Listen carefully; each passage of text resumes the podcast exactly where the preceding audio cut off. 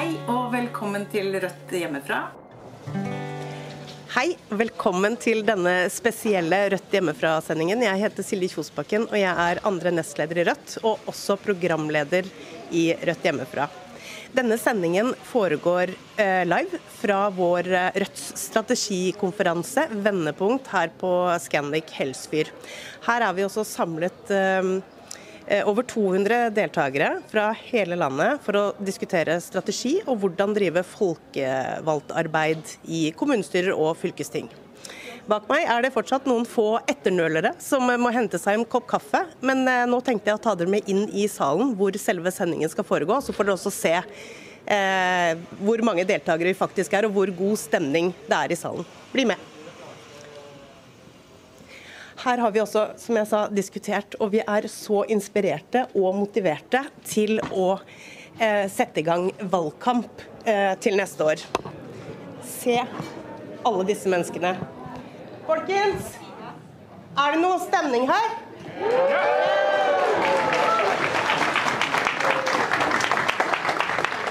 Er dere motiverte til å drive valgkamp?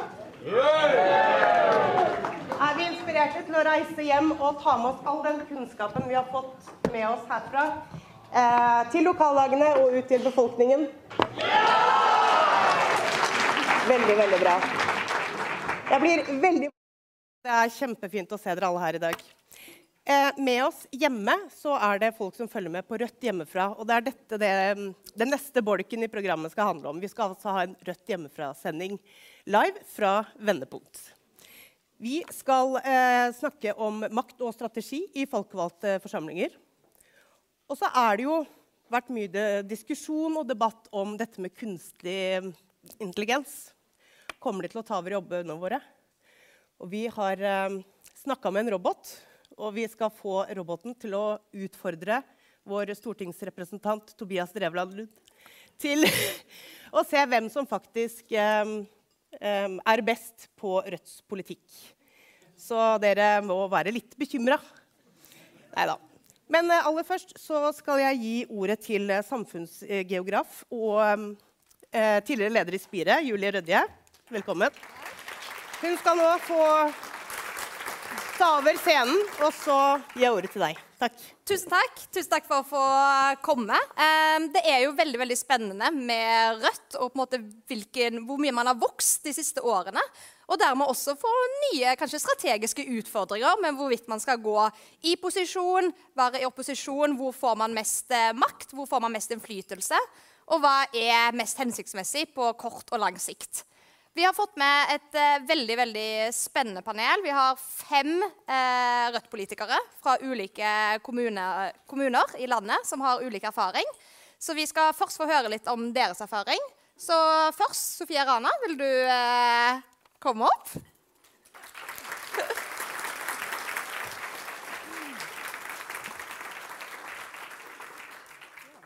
I Oslo så er det jo veldig store. Eh, hvordan eh, ser du på måte, muligheten til å få mest innflytelse på Oslo-politikken? Ja. Eh, I Oslo så er det jo eh, Vi har jo vært støtteparti for uh, rød-grønt byråd i uh, snart to perioder. Det synes jo vi har fungert bra.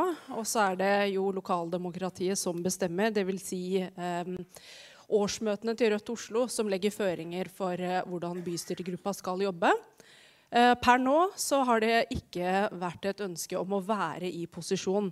Og det kan jeg ikke se for meg at det blir i neste periode heller. Da må vi være mye mye større enn det vi er nå, selv om vi er ganske store.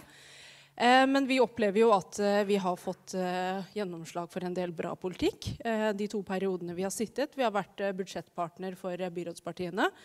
Eh, som jo har gått ganske bra. Eh, vi kunne sikkert fått til mer, men eh, det, sånn er det alltid. Man vil alltid mer enn det man får til. Eh, men i 2015 så fikk vi jo gjennom den historiske eh, barnehage da vi tok eh, Det ble full stans for nye kommersielle barnehager. og det var jo et skritt i retning av mindre profitt. og det var vi veldig fornøyd med, og ikke minst den berømte Veireno-skandalen som gjorde at uh, renovasjonen ble tatt tilbake i kommunal, kommunal regi. Mm. Så det er jo uh, sånne seire Rødt har hatt, da, som vi har vært veldig veldig stolte av. tydelige seire fra opposisjon i Rødt, men med en del samarbeid. Eh, bra. Skal vi få opp Torstein Dale fra Bergen, som har vært med lenge?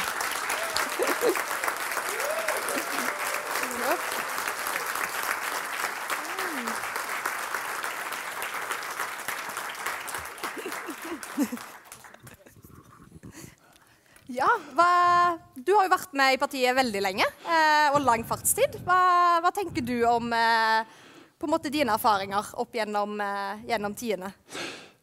Jeg vil si at uh, Det aller viktigste, det som uh, kan uh, i en del tilfeller gi resultater, og som i alle fall resultater også i vedtak, men som også uansett gir resultater i form av å mobilisere folk, det er at man steller seg sånn at man kommer i spissen for folkelige kamper. Og at man for all del ikke steller seg sånn at man kommer i motstrid til folkelige kamper. Det er en katastrofe hvis man inngår forpliktelser som gjør at man havner imot folk i kamp. Det er dødens posisjon for Rødt. Så i sånne tilfeller så har vi i tilfeller hvor vi har eh, kommet i spissen for folkelige kamper, så har vi i en del tilfeller faktisk oppnådd en god del. Uh, og det er jo da selvfølgelig veldig gøy. Man blir uh, nærmest båret på gullstol inn i rådhuset. Men det er relativt sjelden, det må jeg bare innrømme. vi har tre av 67 bystyrerepresentanter nå. Vi er ikke på vippen. Vi kan med visse spesielle konstellasjoner kanskje komme på vippen. Viktig i Bergen er at vi har byparlamentarisme.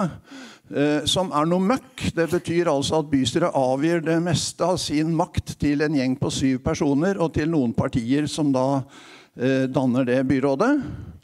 Og de som ikke er med i byrådet, de er da i eh, det som i mediene ofte kalles skyggenes dal.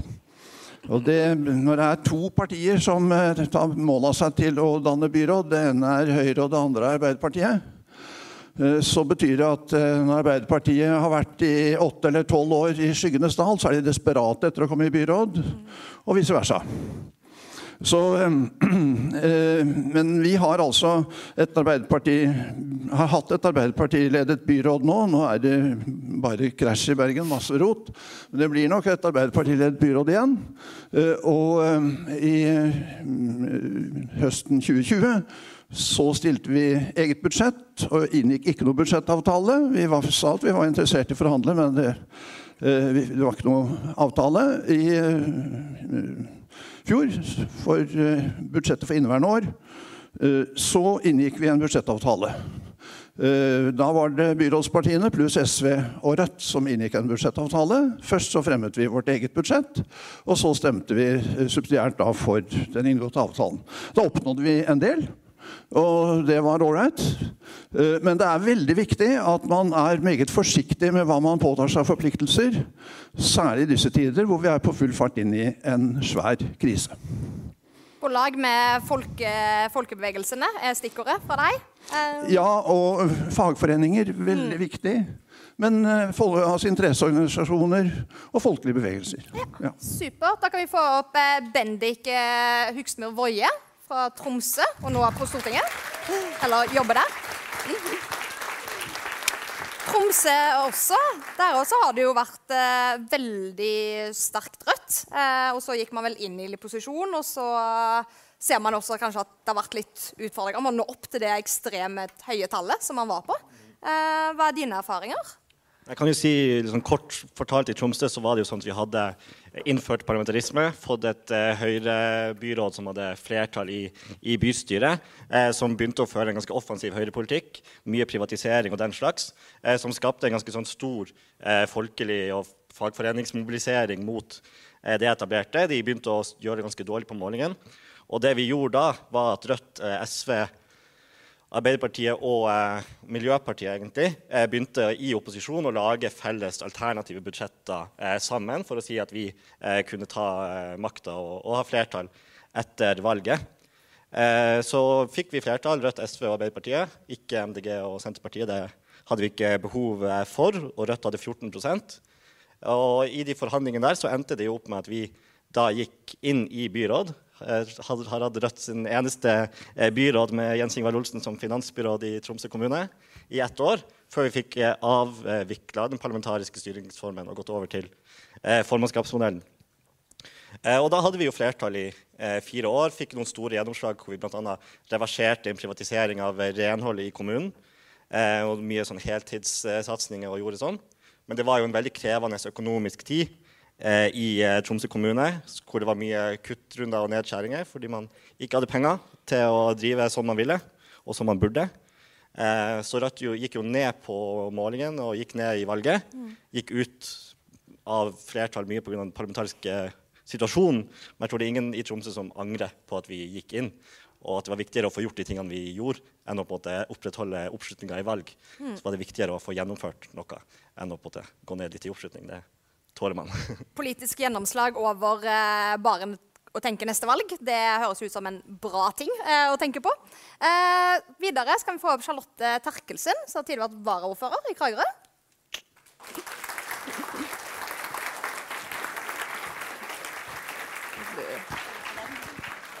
Ja, hva, hva er dine erfaringer, som til og med har vært varaordfører? Det, det er jo kanskje en posisjon som ikke så mye er det vanligste i Rødt? Eh, Nei, vi har vel hatt uh, fire? Fem? Ja. Fem av de, ja. Eh, nei, I Kragerø har jo Rødt vært veldig store over veldig lang tid. Så vi har jo prøvd eh, det meste, egentlig. Sitte i opposisjon til opposisjonen. Eh, vi har vært i posisjon. Eh, og nå sitter vi i eh, opposisjon, men med en ikke-fungerende eh, posisjon. Så vi får også nå på en måte føle litt på og ta litt ansvar, da. Eh, og mine erfaringer er vel egentlig eh, med å sitte i posisjon, da, for å ta det først. De var egentlig nesten utelukkende gode. Jeg føler vi fikk gjennomført veldig mye god politikk. Eh, noe av grunnen til det var nok at vi var veldig konkrete når vi inngikk en samarbeidsavtale på 67 punkter, tror jeg, som vi skulle gjennomføre i løpet av perioden, som vi også gjorde. Eh, og hadde da var vi det nest største partiet i kommunen. Så vi, altså, da var Arbeiderpartiet helt avhengig av oss. Og da blir det jo mye hyggeligere å ha med å gjøre med en eneste gang. Eh, ja. Og så var kanskje ikke de like interessert i å drive politikk da, som det vi var. Så da fikk vi ganske stort spillerom. Så jeg har egentlig veldig gode erfaringer med å sitte i posisjon. Men jeg må si jeg syns det er gøyere å sitte i opposisjon. Det er vel litt sånn eh, grunnen til at det ofte er gøy å være i sivilsamfunn, eh, fra egen erfaring. Eh, til slutt så skal vi få noen perspektiver fra Sara Mauland fra Stavanger.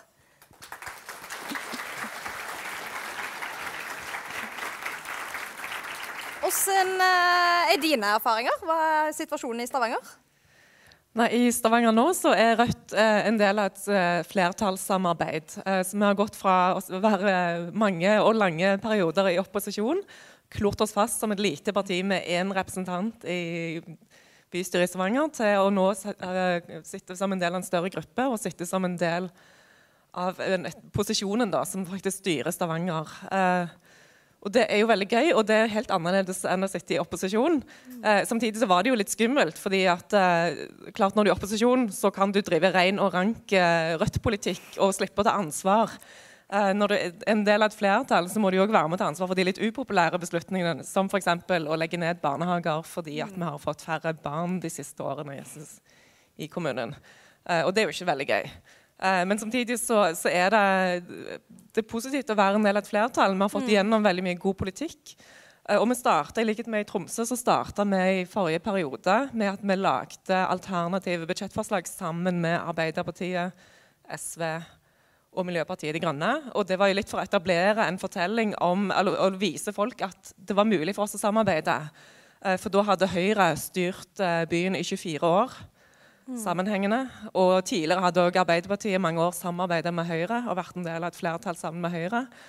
Eh, Så det var viktig for oss å, å, å vise at det var mulig å få til et samarbeid på venstresiden, og at dette kunne fungere, sånn at vi fikk etablert en fortelling inn mot kommunevalget om at eh, et alternativ til høyrestyret var mulig. Så det var egentlig, ja, det, det var det som var viktig for oss, og dermed så fikk vi òg eh, diskutert mye politikk og funnet ut litt på forhånd før vi skulle inn etter valget og forhandle om posisjoner. Eh, så fikk vi allerede avklart en del av de store, viktige politiske spørsmålene i forhold til ja, hvor grensene gikk for hva vi kunne kompromisse på. Spennende. Eh, veldig gøy å få høre litt om situasjonen fra si, nord til sør og øst og vest. Eh, fordi jeg fikk tilsendt litt dette eh, strategien til programmet, hvor det jo står en del om dette her med å gå i hvordan man skal få mest mulig innflytelse. Så tenkte jeg egentlig bare å ta et lite utdrag der. Eh, vi må sette langsiktig politisk påvirkning og gjennomslag foran posisjoner. I folkevalgte organer samarbeider Rødt med andre partier for å oppnå best mulig resultat for folk flest. På steder vi står særlig sterkt, kan vi vurdere å delta i en styrende koalisjon dersom dette bidrar til, pos bidrar til positivt og sikres Rødts sentrale politiske mål.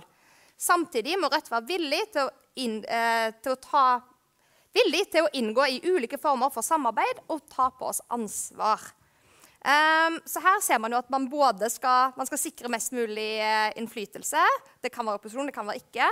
Er det på en måte noe motstridende i dette, opplever dere? Eller er det best at man finner de ulike løsningene lokalt i hvert enkelt tilfelle ut ifra uh, hva skal jeg si, de andre partienes oppslutning og lokale saker? Eller er det noe som man bør ha en mer sånn samla strategi for hele partiet? Torstein, du var raskt oppe med labben.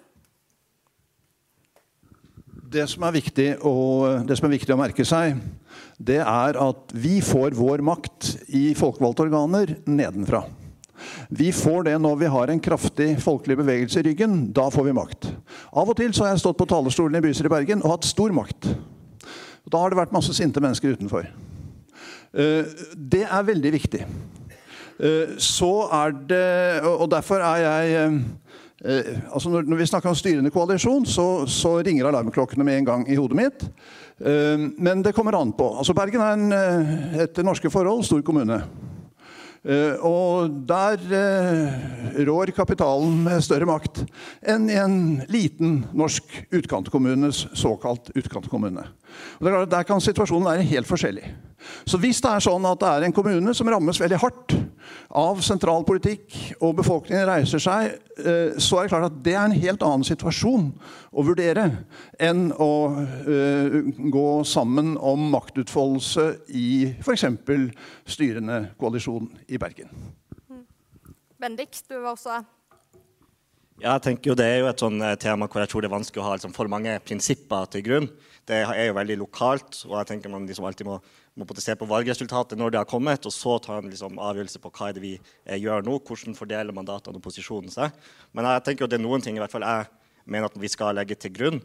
Eh, det ene er liksom at det er stort sett bedre at Rødt er med å styre og innføre politikken vår, enn at vi ikke gjør det, eller at noen andre gjør det.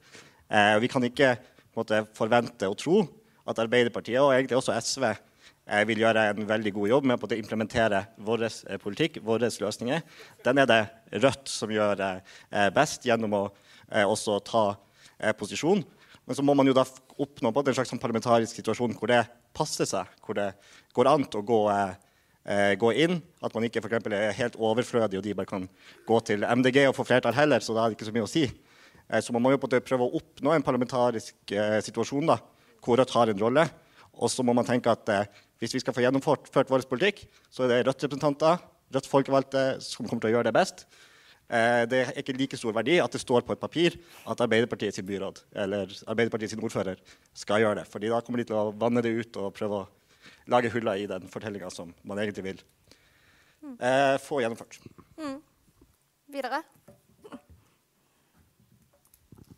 veldig enig med Bendik. Og jeg tenker at det å ha en sentral strategi for hvordan man skal gjøre dette her lokalt, det er helt umulig selvfølgelig og, og åpenbart. Men eh, man skal ikke, i likhet med det Torstein er inne på, da, altså, man må altså man, For all del så må man ikke ta den makta før man ikke kan la være lenger. Altså, når det er såpass mange mennesker som har sagt ifra, sånn som i vårt tilfelle når vi var eh, det nest største partiet i Kragerø, det ville sett forferdelig dumt ut, og det ville vært utrolig urettferdig overfor de som hadde stemt for oss, å ikke ta den sjansen når det bydde seg.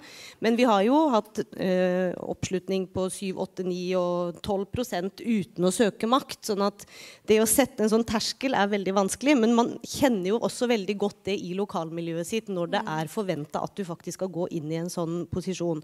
Og jeg er blant de som mener at ikke det er noe motsetningsforhold eh, mellom det å ta eh, folkebevegelsene inn i, i de folkevalgte organene, eh, om man sitter i posisjon eller opposisjon. Jeg vil jo tvert imot si at man faktisk kan utgjøre en enda større forskjell i, i posisjon. Da. Så ja. Mm. Sara, du er det også. Ja, eh, jeg er ganske enig med Charlotte. Altså, det er noe med at eh, Sånn I Stavanger så var det viktig for oss å gå inn og være en del av posisjonen når vi hadde sjansen til det, fordi at vi hadde vært med i valgkampen og etablere en fortelling om at vi skulle få Høyre ut av makta. Mm. Og vi visste at Arbeiderpartiet og SV ville legge seg ganske langt til venstre. De var veldig ivrige til å vise folk at uh, hvis de kom til makta, så ville de få noe annet enn et høyrestyre. Og da måtte vi i Rødt òg være med på det. Hvis ikke ville jo noen andre få kred for å innføre en del av de tingene som også står i Rødt sitt program, som f.eks. Eh, gratis barnehage uh, eller gratis SFO. Uh, skolemat eh, osv. Som vi jo visste at var viktige saker for Arbeiderpartiet og, og SV òg. Sånn og i tillegg så hadde vi en god personkjemi. Så vi visste mm. at dersom vi eh, var en del av et samarbeid, så ville vi få gjennomslag for en del Rødt-saker. Altså, det ville ikke bare bli at vi var der til pynt, eller at vi liksom ble litt fanga av makta. Så det er noe med å, se an lokale forhold. Mm. Eh, og vi fikk jo òg en stor økning i forrige valg, så var det tydelig at folk stolte på at Rødt skulle inn og gjøre noe. Altså, det var tydelig en sånn motivasjon eh, blant velgerne om at de ville ha en endring i Stavanger, og da ville vi være med og sikre at at vi fikk de gode endringene, at vi fikk god Rødt-politikk òg. At, eh, at Ap og SV ikke gjorde ting bare halvveis, men at vi fikk tatt det langt nok. Ja. Mm. Det virker som det er ganske mye enighet og felles også i at alle vil ha mest mulig Rødt-politikk gjennom, og det er jo et godt utgangspunkt. Eh, Sofia? Ja, jeg skal også si meg enig, så det blir mer enighet eh, blant oss som står på scenen her. Men uh, i Oslo så er det jo uh, Vi er jo samarbeidspartiet til uh, byrådspartiene, og det er de de skal søke flertall med. Eh, men eh, av og til Jeg sitter i eh, byutviklingsutvalget.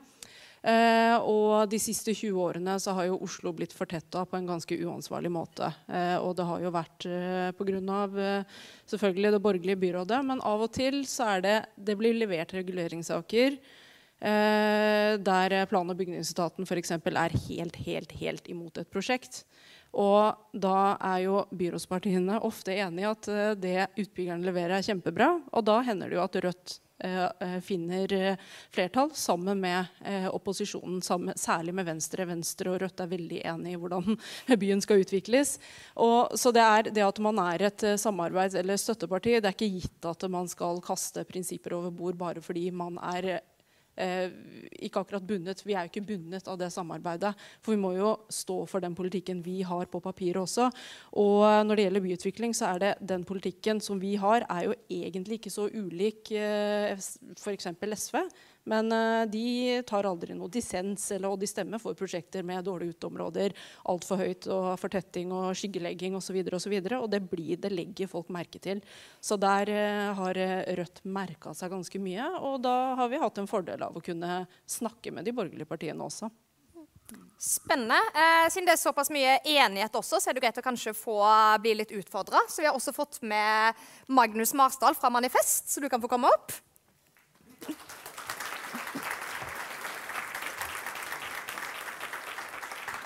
Ja. Åssen opplever du Rødt, sett litt sånn fra, fra sidelinja her? Og har du noen utfordringer til uh, gjengen? Jo, det skal jeg si deg, du. Uh, det første som slår meg, er en sånn sitrende lyst til å gratulere den forsamlinga her med ikke bare å ha brutt sperregrensa, men også gjort det med stor margin, og så på hver eneste måling etter det flydd høyt over! Ja. Og det er jo Ok, Én ting er uh, lokalpolitikerne, og en annen ting er Stortinget og sekretariatet. og sånn, Men det her bæres jo av fram av den stadig voksende medlemsmassen på grasrota. En helt sinnssyk medlemsutvikling.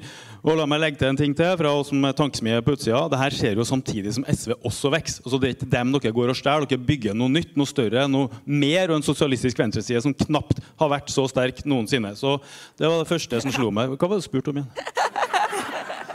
Hvordan ser du eh, Rødt? Du snakket om denne store Ja, det er, de prinsippene skal vi søke makt og ikke. Ja, ja, ikke? Nei, også, for det første så tenker jeg sånn, det er ekstremt viktig for Rødt noe må holde fast på alltid, at deres folk gjør ikke det her for å bli politiker. I en del andre partier så er det jo sånn. Men dere vil ikke ha de folkene som gjør det her for å bli politiker. Vi er for å forandre verden sammen med vanlige folk. Sant? Så det der må holde fast med. Og så tenker jeg altså at når vi snakker om å inngå i koalisjoner eller gjøre det som eh, Rødt i Oslo har gjort, og sånn, så snakker vi jo ikke om å sitte pent på fanget til makta. Vi snakker ikke om å bli eh, vanlig politiker. Vi snakker om å utøve makt nedenfra. Men da begynner det å bli kilent. Fordi, hvordan gjør du det? Kan du ha et prinsipp for det? Jeg er veldig enig med dem som sier nei, jeg kan kanskje ikke det. Fordi den levende sjelen i vår tanketradisjon er den konkrete analysen av den konkrete situasjonen. Så må gå inn og se. da. Og da tenker jeg, Hvis jeg kan få bruke ett minutt på det, den 2015-tingen som eh, Sofia har nevnt her. Altså, jeg vet ikke om alle er klar over hvor enorm den hendelsen er i norsk lokalpolitikk. At kommersielle barnehager ble stoppa i hovedstaden fordi i åtte år hadde SV og Arbeiderpartiet fremma i regjering vekst i kommersielle barnehager. Så kommer lille Rødt på vippen i Oslo og snur det. 180 grader. Og da tror jeg jeg skal tenke litt over, og kanskje Torstein spesielt Hvordan var det skjedd? Fordi i den konkrete analysen den konkrete situasjonen som Moxnes og Rana Co. gjorde der, så var det jo ingen folkemasse i gata. Det var ikke sinte folk rundt bystyret. Det var ingen sånn heroisk eh, bevegelse å stille seg i spissen for. Nei, men det var meningsmålinger som viste svært flertall mot de kommersielle profitørene i Arbeiderpartiet sine rekker. Ja vel. Svært flertall i rød-grønt, svært flertall i folket, og ett parti som så sjansen. Men da måtte jeg gå inn og si vi garanterer for budsjettene i fire år. vi. Ikke sant? De bånd seg opp. De måtte selge et eller annet. De, og det de gjorde, det var at de brukte det politiske spillet, den tingen som vi ikke liker så godt. Spillet. Blir det en avtale med byrådet eller ikke? Til å få lys på saken. Og hvilken sak var de fikk lys på? Hvilken et, et ultimatum? liksom? Jo, det var akkurat den saken der de holdt folk i ryggen, og Raymond Johansen ikke hadde. Og så spilte de seg inn i en situasjon som var vinn-vinn. Fordi Da Moxnes sto på Dagsrevyen og sa jeg skjønner ikke hvorfor pengene jeg skatter til felles velferd skal gå til privat profitt, og hvorfor det er så viktig for byrådslederen til Arbeiderpartiet å fortsette med det, så visste jo de at hvis Arbeiderpartiet nå står fast og ikke gir seg, så vinner Rødt. Kommer til å få 15% på målingene i Oslo. Og hvis Arbeiderpartiet gir seg, så vinner Rødt.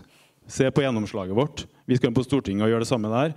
Så det er å oppsøke den vinn-vinn-situasjonen også når det ikke står folk og roper ute ut på gata. Dette handler om å delta i det politiske spillet, utøve det håndverket. Og det inkluderte jo at kommuneadvokaten i Oslo skrev en lang betenkning om at Rødt sitt forslag var ulovlig. At byrådslederen gikk på TV og sa det er ulovlig. Ja, Da måtte jo de finne en professor som skrev en lang betenkning om at kommuneadvokaten tok helt feil. Og nedkjempa hele, sånn at Når du går inn i spillet, så koster det så mye mer innsats. Og det er for behagelig etter mitt syn å sitte sånn med folk mot makta. Fuck all og all, vi deltar ikke der for at vi skal alle bli politikere. Nei, nei, nei, nei. Det er ikke å utøve makten nedenfra. Å utøve makten nedenfra og så gå inn konkret og så gjøre den jobben. Ikke for å bli politiker, men for å forandre verden. Herlig.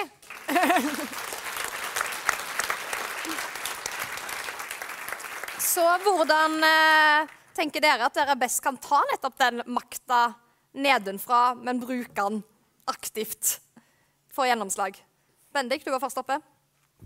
Ja, nei, jeg tenker jo på liksom, I viderefølgelsen av det så er det, tror jeg det er viktig at det ikke setter seg en sånn fortelling om at det å eh, gå inn i et samarbeid hvor eh, det er ting i budsjettet i kommunen som du syns skulle vært annerledes, det er ikke alt du får gjort noe med i budsjettet, at det på en måte eh, kalles, som jeg syns jeg hører iblant, at det er å kaste prinsippene på bordet. Som veldig sånn hard ordbruk mot det å skjønne at vi får ikke gjort alt med en gang. Eh, for de, de tingene kommer jo i hvert fall ikke til å bli gjennomført hvis man eh, ikke eh, har en avtale eller et budsjett. i hvert fall. Da er det jo i hvert fall ikke sånn at de kuttene reverseres eller noe sånt. Og folk, jeg tror heller ikke folk der ute, de som møter opp og er, er forbanna og mobiliserer for saker, de forventer jo heller ikke at både Rødt med noen prosent oppslutning skal få gjort alt, og at bare fordi Rødt er med i posisjon, så blir alt så meget bedre med en gang. Men de forventer jo håndfaste gjennomslag og endringer som er til det bedre for dem. Og hvis Rødt eh, får til det, så har man ikke kasta prinsippene over bordet fordi man har vært med å styre uten at alt har blitt sånn man vil det skal være. Sara?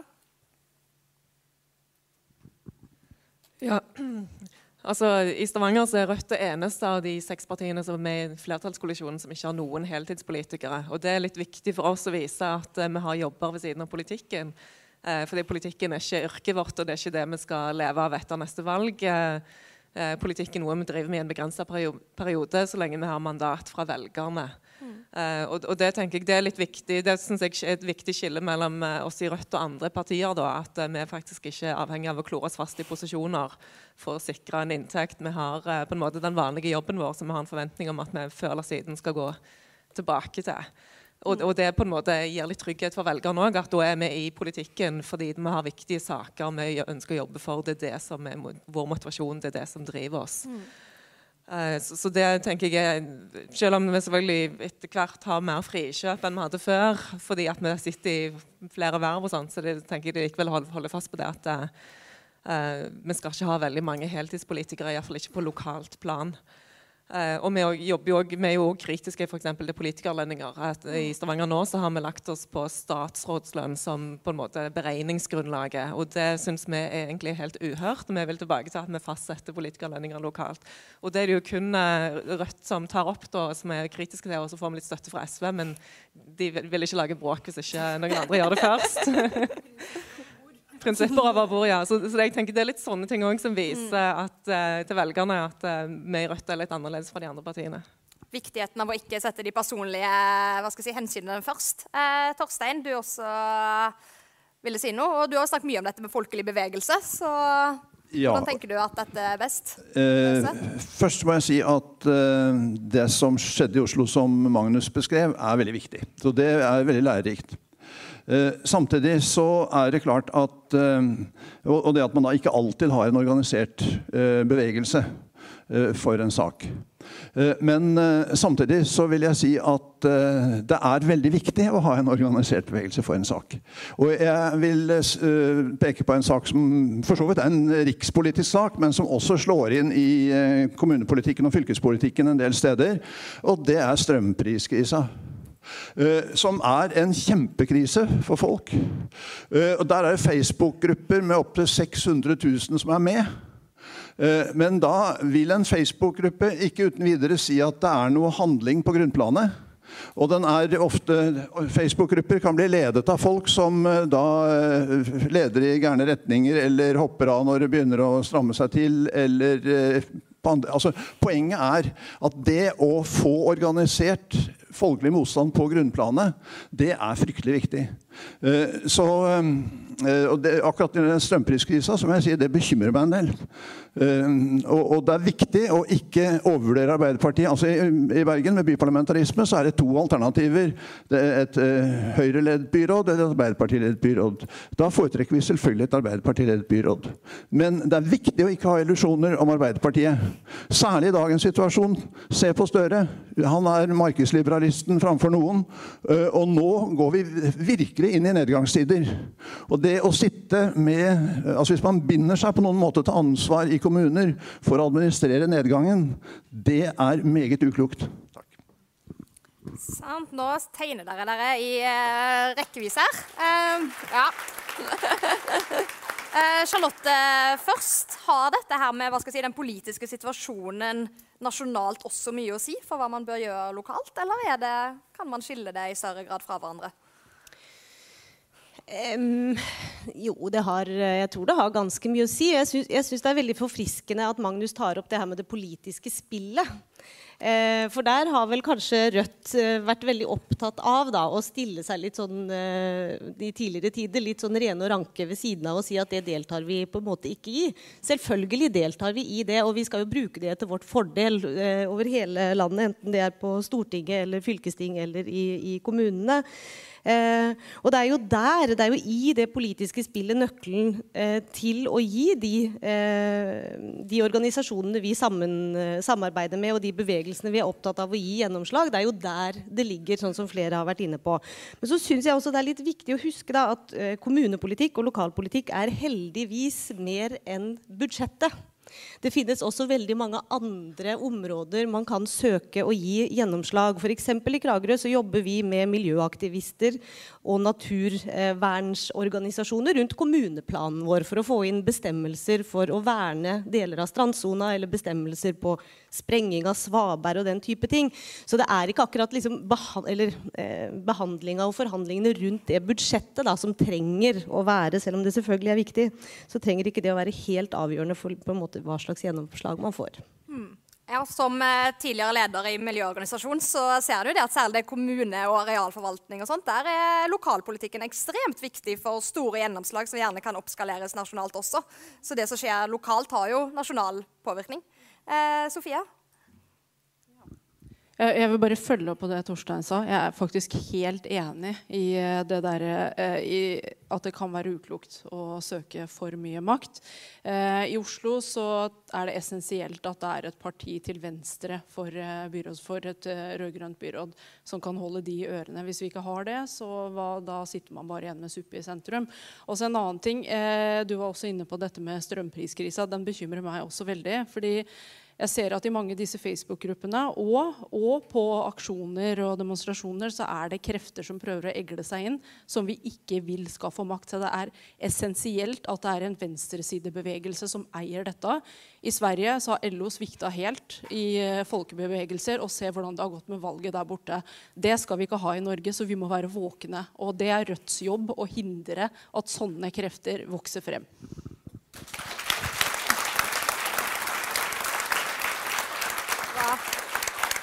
Magnus?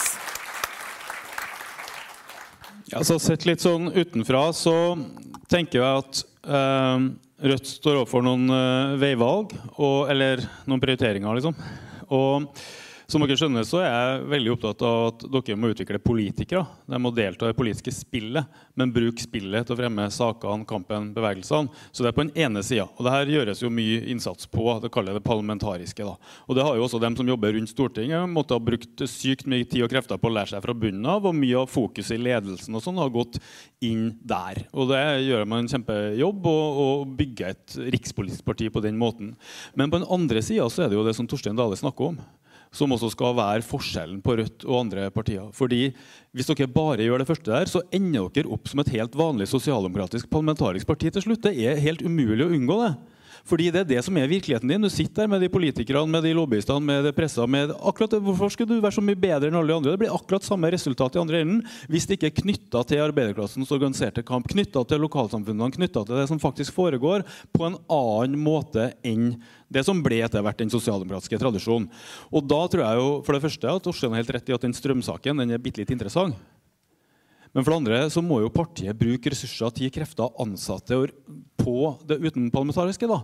Og Det kan jo ikke bare tvinges ovenfra, for det her kommer jo mye nedenfra, men det må settes av folk, må settes av ressurser, konferanser, liksom jobbe med det, sånn at det skjer. Og jeg tenkte her i Oslo for eksempel, Vi har jo mye bra folk ute i idrettskretsene oppover på østkanten, og mange klubber som må stenge haller og sånn, ikke sant, pga. strømprisen. Hvorfor ikke få de idrettsungdommene rundt eh, Stortinget i draktene sine? En aksjon her. ikke sant? Uh, og det må jo være det samme rundt omkring i landet. da. Og Både i SV og Rødt så har man et felles luksusproblem. Man har så mye medlemmer.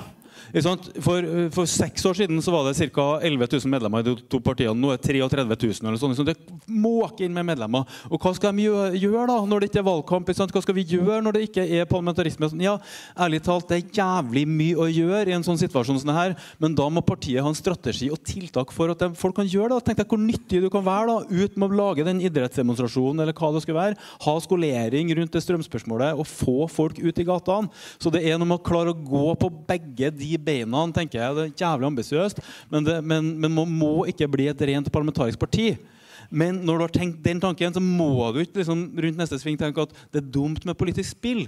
Nei, du må gjøre begge deler for å bli et fullblods revolusjonært sånn masseparti.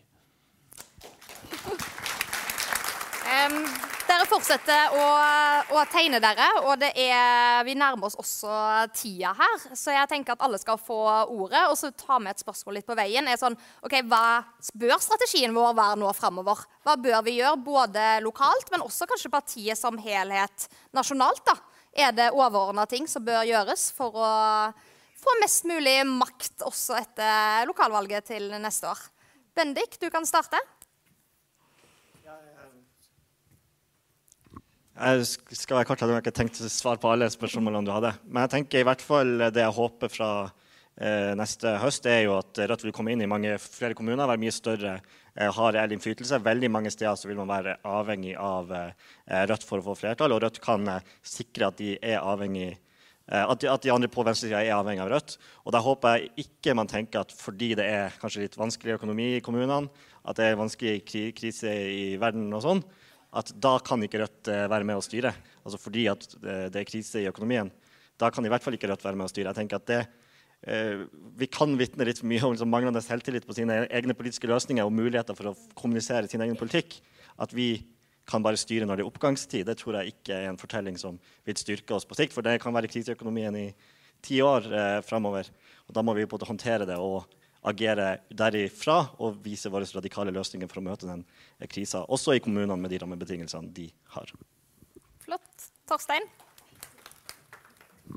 Ja, altså Vi sitter jo i kommunestyrer og i fylkesting for å utnytte de mulighetene som fins for å få gjennomslag for folkelige krav og for viktige saker. Eh, og Dermed er det klart at vi er nødt til å være åpne for å bruke de mulighetene i for så vidt det politiske spillet. Men det må ikke være det overordnede, men en mulighet som vi er i posisjon til å kunne utnytte. Jeg syns Magnus sitt siste innlegg har veldig mye for seg. Eh, og eh, jeg vil peke på også eh, de som organiserer grunnplanet i dag, altså fagbevegelsen, interesseorganisasjoner, som veldig viktige partnere i vårt parlamentariske arbeid. Så vil jeg nok også si at Eh, den veien vi kan gjøre feil, det, det, er, det, er, mindre farlig å være ren og rank. vil jeg si. For altså Det presset vi får, det går den andre veien. Eh, og uh, det bekymrer meg en del, det presset vi får. Og som sagt, eh, jeg advarer veldig sterkt mot den krisa som er under oppseiling. Og det som er viktig for partiet, det er at med alle de medlemmene, som jo er en fabelaktig ressurs, så er det å drive skolering, studie, diskusjon av de brennende spørsmålene veldig viktig for akkurat å få dem ut i aktivitet aktivitet, sånn som Magnus også pekte på. Det bekymrer meg veldig. Altså, Vi har en fabelaktig stortingsgruppe som gjør en glitrende innsats og får så mye velfortjent skryt for sin innsats bl.a. i strømpriskrisa, også kampen mot, uh, mot fattigdom. Men det er fare for at det blir litt sånn hode uten kropp, altså. Uh, og det å få aktivisert kroppen, det er et nøkkelspørsmål for Rødt framover.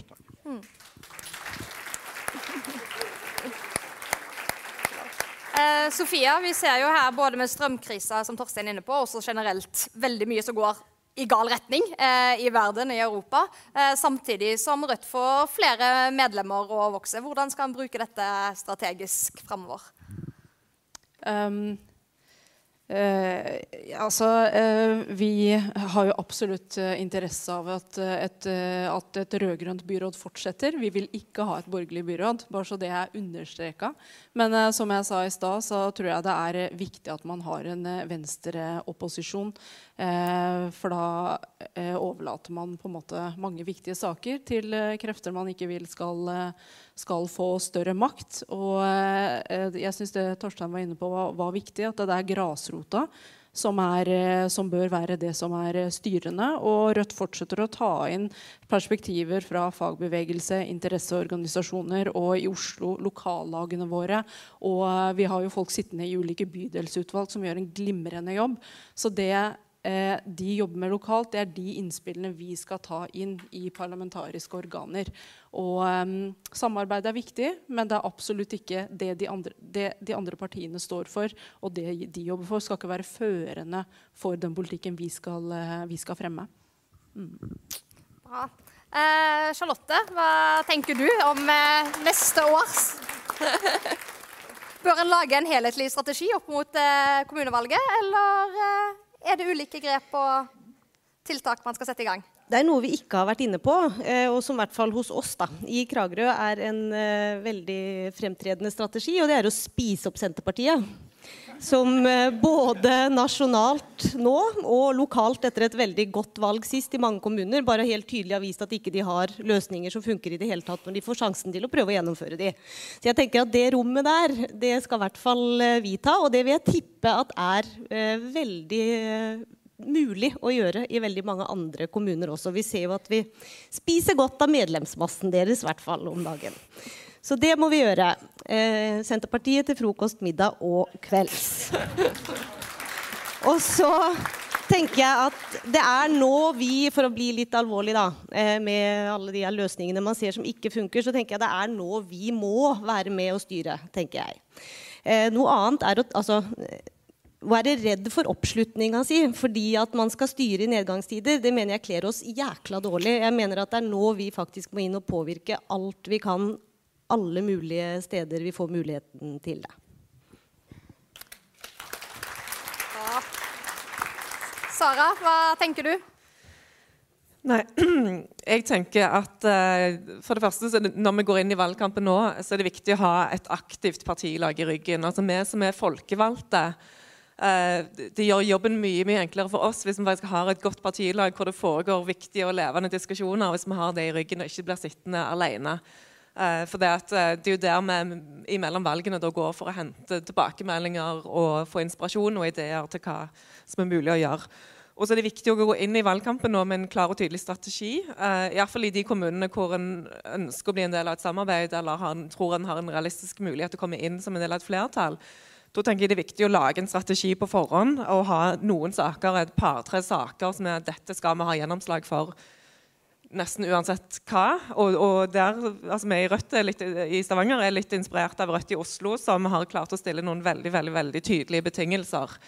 Og fått gjennomslag på noen veldig veldig viktige saker. Eh, sånn at det er jo noe vi blir inspirert av. Og tenker at Neste gang så skal vi ha en enda tydeligere strategi på, på hva krav vi skal stille i, hvis vi kommer inn i en forhandlingsposisjon. Eh, og så er jeg enig i at det er viktig i nedgangstider at vi ikke kvier oss for å være med og ta makt. For det er nettopp i nedgangstider når kommunene må kutte, det er da det er viktig at Rødt er inne og påvirker hvor det kuttes. At det ikke kuttes for mye i skole, i barnehage og i viktige tjenester. Men at en ser på at en heller kutter i de prestisjeprosjektene, i de ikke lovpålagte oppgavene.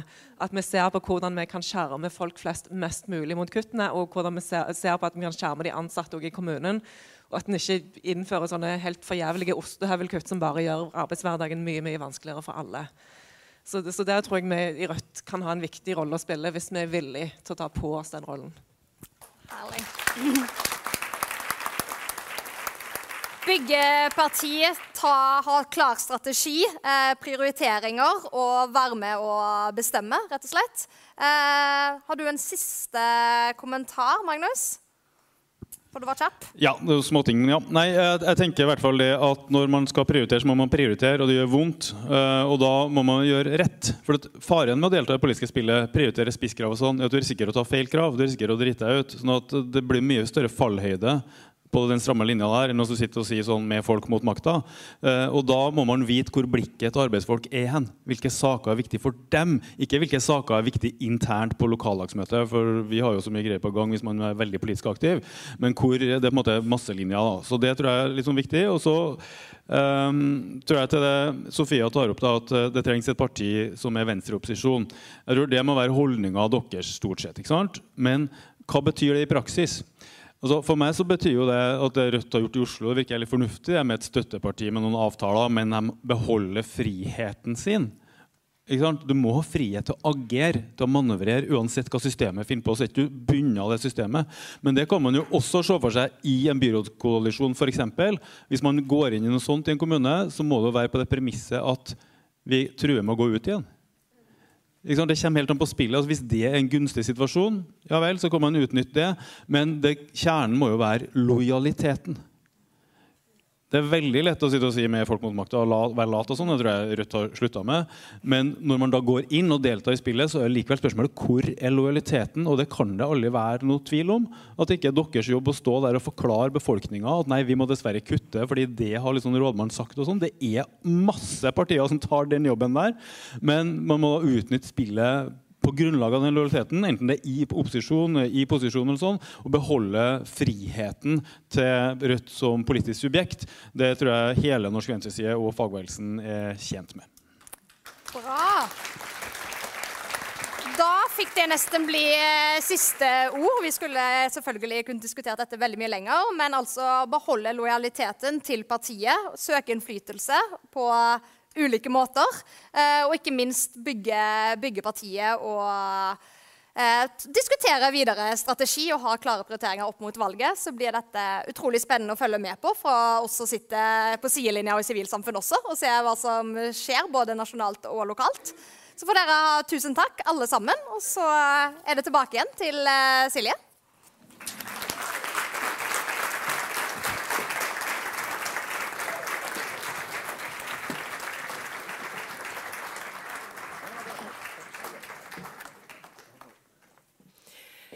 Ja, det var en veldig interessant eh, samtale. Tusen takk til eh, paneldeltakerne og ordstyrer Julie Rødje.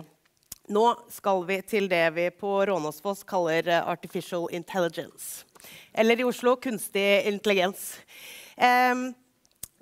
det er en slags robot som eh, prøver å finne mest mulig kunnskap på internettet. Eh, og nå skal vi utfordre vår kjære stortingsrepresentant fra Telemark, Tobias Drevland Lund. Kom opp hit. Skal vi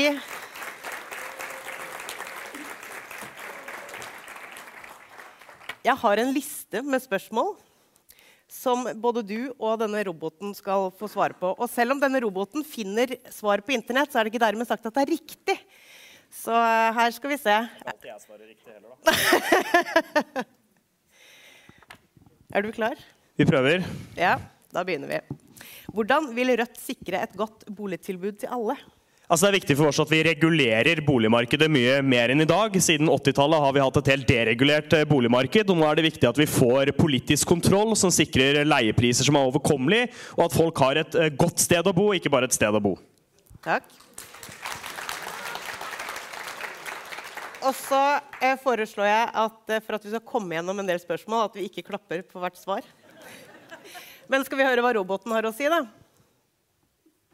Rødt vil sikre rimelig bolig gjennom å gjøre det ulovlig å sette boligprisene opp, øke boligbyggingen og gjøre det lettere å drive boligbygging gjennom å øke offentlige investeringer i boligbygging. Vi går rett videre. Hva mener Rødt om rusreformen? Altså, Rødt er jo for rusreformen. Vi mener at vi må gå fra straff til hjelp. og Det handler om å ha et samfunn som faktisk tar vare på de som trenger det aller mest. Skal vi se om roboten er enig med deg? Rødt mener at rusreformen ikke har vært effektiv nok i å redusere skade og død relatert til rusmiddelbruk. De mener også at reformen har ført til økt bruk av narkotika blant tunge. Her tror jeg den er på ville veier, altså. Det må jeg si. Vi går videre til baseavtalen. Hva mener Rødt om baseavtalen med USA? Altså Rødt uh, har jo vært sterkt mot baseavtalen med USA. og Det er fordi vi mener at vi må bevare norsk suverenitet og uavhengighet. Uh, og i den grad heller styrke det norske forsvaret istedenfor å ha større amerikansk tilstedeværelse, som vi er mot. Vi lar uh, roboten Skal vi se om du er utfordra Rødt mener at beisavtalen med USA er en fordel for Norge, og at den bør fortsette. Jeg, jeg er det sånn høyrevridd Hva er Rødts rovdyrspolitikk? Altså, Rødt er jo for rovdyrforliket, eh, og vi mener det er viktig å bevare en del eh, ulv. Men samtidig så må vi sikre en bærekraftig eh, forvaltning av rovdyrstammen. Og roboten? Rødts rovdyrspolitikk er å bekjempe rovdyr som ulv, bjørn og jerv, og sette i gang en massiv jakt på dem. Rødt mener at rovdyr er en trussel mot mennesker, dyr og natur. Det var Senterparti-kunstintelligensen, ja.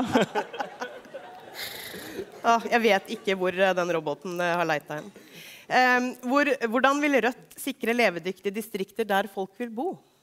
Det er viktig at vi styrker kommuneøkonomien, slik at eh, folk og politikere lokalt kan gjøre de beste de beste avgjørelsene. Eh, og vi trenger å ha gode lokalsamfunn uansett postnummer og, og lommebok. Og kampen mot Forskjells-Norge skjer ute i kommunene. Derfor vil Rødt styrke kommunene. Bra. Og roboten? Rødt vil jobbe for å sikre levedyktige distrikter der folk vil bo. Vi vil jobbe for å sikre at distriktene har gode offentlige tjenester, gode boliger og gode arbeidsplasser. Vi vil også jobbe for å sikre at distriktene har gode kommunikasjoner. Det var ikke dårlig. Dette er litt spennende, egentlig. Hva mener Rødt om Putin? Altså, Rødt er mot Putin.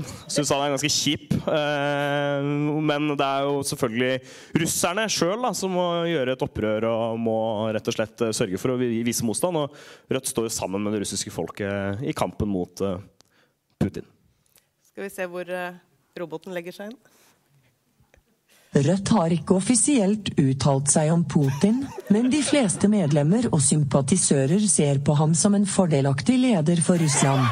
De mener han har gjort mye for å bedre økonomien i landet, og at han har vist seg som en forsvarer av de russiske folkeslagene. Vi hopper galant videre. Hva er forskjellen på Rødt og SV? Altså, Rødt og SV er jo veldig mye enige og stemmer mye sammen. Men eh, der SV kanskje i altfor stor grad da, eh, legger seg flate for Arbeiderpartiet, så står Rødt på lag med folk eh, og står hardt på krava. Der kanskje SV ikke gjør det i like stor grad. Hva mener roboten? Rødt og SV er to forskjellige politiske partier i Norge. Rødt er et sosialistisk parti, mens SV er et venstreorientert sosialdemokratisk parti. De to partiene har ulike politiske mål og verdisyn, men de er begge opptatt av å jobbe for en rettferdigere og mer solid politikk. En, en solid politikk. Ja, vi har litt å jobbe med. Hva er likhetene mellom Rødt og Frp? Rødt og Frp er jo eh, ganske eh, mot dagens strømpriskrise, da. Det skal jo sies. Og så har vi ganske forskjellige innfallsvinkler. Men eh, det hender jo vi er enige med Frp. Men der Frp hele tida er opptatt av å berike de som har aller mest, så er jo Rødt veldig opptatt av å bekjempe Forskjells-Norge. Så vi er jo komplett forskjellige partier. Mm. Og så hender det at vi stemmer sammen i enkelte saker. Roboten mener Rødt og Frp er to politiske partier i Norge. De to partiene har ulike politiske plattformer, men de har begge et klart fokus på økonomisk vekst og jobbskaping. De to partiene har også begge en klar politikk for å redusere skattene for norske bedrifter. Men du, Tobias, hva er Forskjells-Norge for deg? Altså Forskjells-Norge for meg er at eh, det er 115 000 barn som vokser opp i fattigdom. Eh, det er eh, folk som ikke har de samme mulighetene som andre. Det er noen som sliter med å betale regningene, mens andre rikinger har fått alt de har pekt på altfor lenge. Så Derfor er det viktig at vi bekjemper forskjellene og skaper mest mulig likhet. Og det er, det er Rødts hovedsak og vår, vår, grunn til at vi er her, tror jeg. Mm. Hva er Forskjells-Norge for roboten, da? Forskjells-Norge for meg er et land der vi har forskjellige meninger og synspunkter, men likevel er i stand til å leve side om side.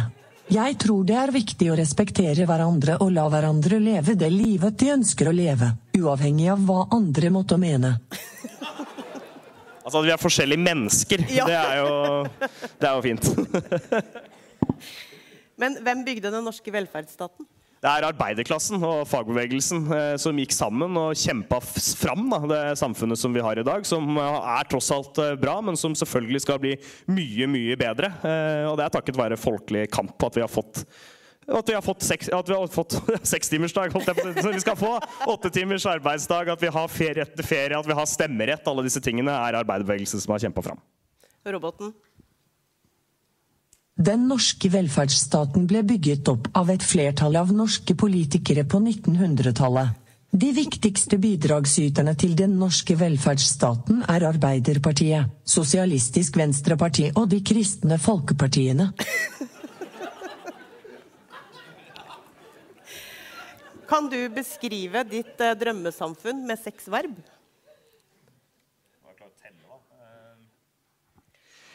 Et klasseløst samfunn for alle folk.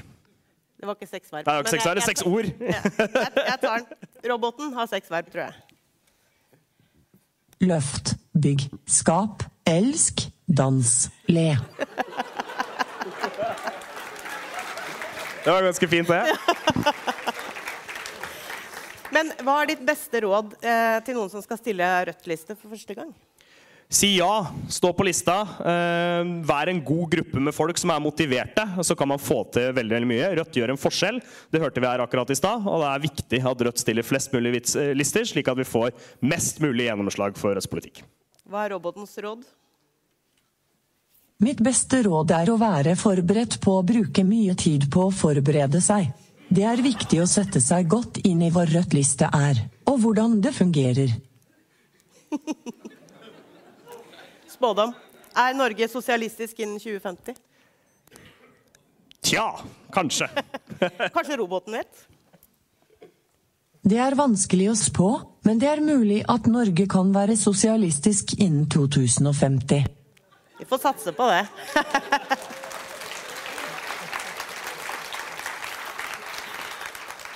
Betaler du din skatt med glede? Ja, partiskatt også, til og med. Gjør roboten det? Nei, jeg betaler ikke skatt med glede. Og så er det jo, Vi ser jo at roboten er litt rar i svara innimellom, så jeg tenker vi kan ta noen kontrollspørsmål. Eh, du vet jo hvem lederen i Rødt er. Hvem er det? Bjørnar Moxnes. Hva tror roboten? Leder i Rødt her, Sverre Myrli. Så må vi jo sjekke nestlederne. De er liksom ikke, i hvert fall ikke andre nestledere. Er det ingen som vet hvem de er? Vet roboten det? Rødts nestledere er Per Sandberg, Anette Trettebergstuen, Sylvi Listhaug, Ulf Leirstein og Kent Gudmundsen.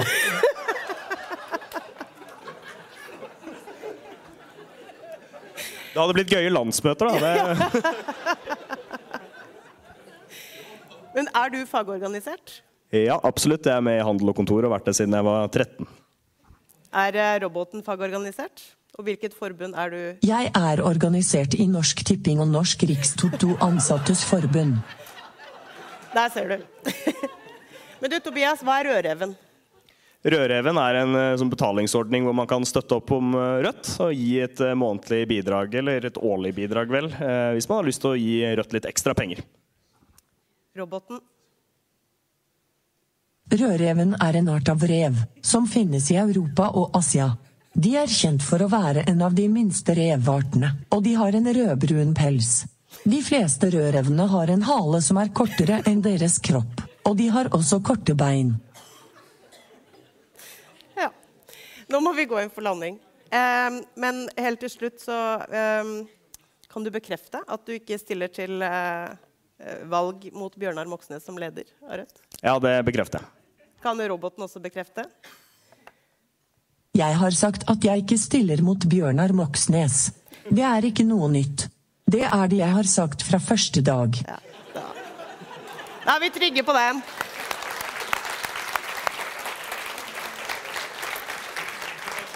Spørsmålet er om jeg får lov til å jobbe tre år til da, på Stortinget, eller om dere heller vil ha den. Uh, Nei.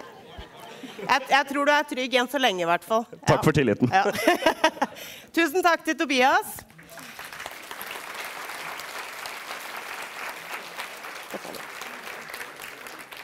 Og takk til eh, panelet vi hadde her tidligere. Nå er det på tide å takke for eh, at dere fulgte Rødt hjemmefra der hjemme, og også her i salen. Så da sier jeg takk for meg, og takk for følget.